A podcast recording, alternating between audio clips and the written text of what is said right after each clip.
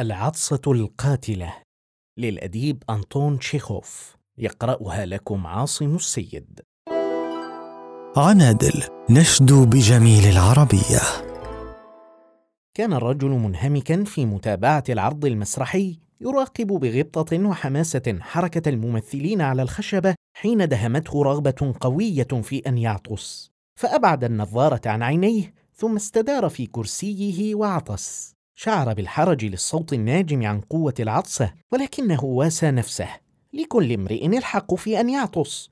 كل من على هذه الأرض يعطسون أهل المدن وأهل القرى الأغنياء والفقراء حتى النواب والوزراء. لكنه لم يستطع مقاومة الرغبة في أن يلتفت حواليه ليطمئن أن أحدا من الجالسين بالقرب منه لم ينزعج من عطسته.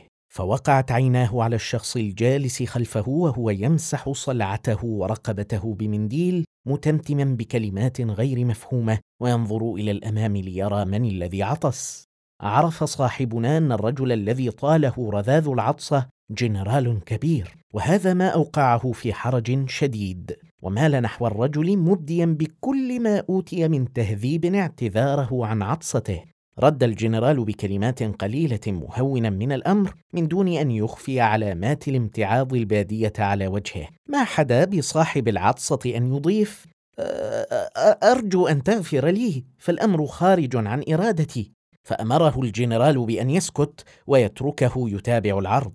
دهمه خجل إضافي وعاد لمتابعة المسرحية لكن القلق لم يغادره. وما إن أعلن عن فترة الاستراحة حتى تابع خطوات الجنرال مقتربا نحوه وبعد تردد خاطبه متلعثما لتغفر لي يا سيادة الجنرال فلم أكن أقصد أن أعطس عليك. فرد الأخير بأنه نسي الموضوع وأن عليه أن يصمت وينسى الموضوع هو الآخر. لكن الرجل لم يستطع تحمل النظرات الغاضبة للجنرال وهو يرد عليه بصرامة.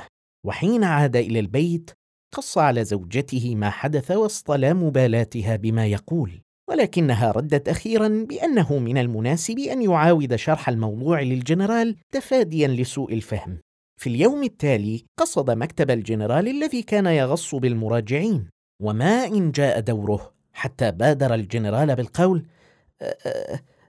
هل تتذكر سعادتك ما حدث البارحة حين سعلت من دون قصد؟ إنني جئت لأعتذر مرة أخرى. أخرج من هنا. أخرج من هنا. صرخ الجنرال وهو يهتز من شدة الغضب. لم يعرف الرجل كيف عاد إلى بيته وألقى بنفسه على السرير بكامل ملابسه. وحين وجدت زوجته أن نومه قد طال حاولت إيقاظه لتفاجأ بأنه قد مات.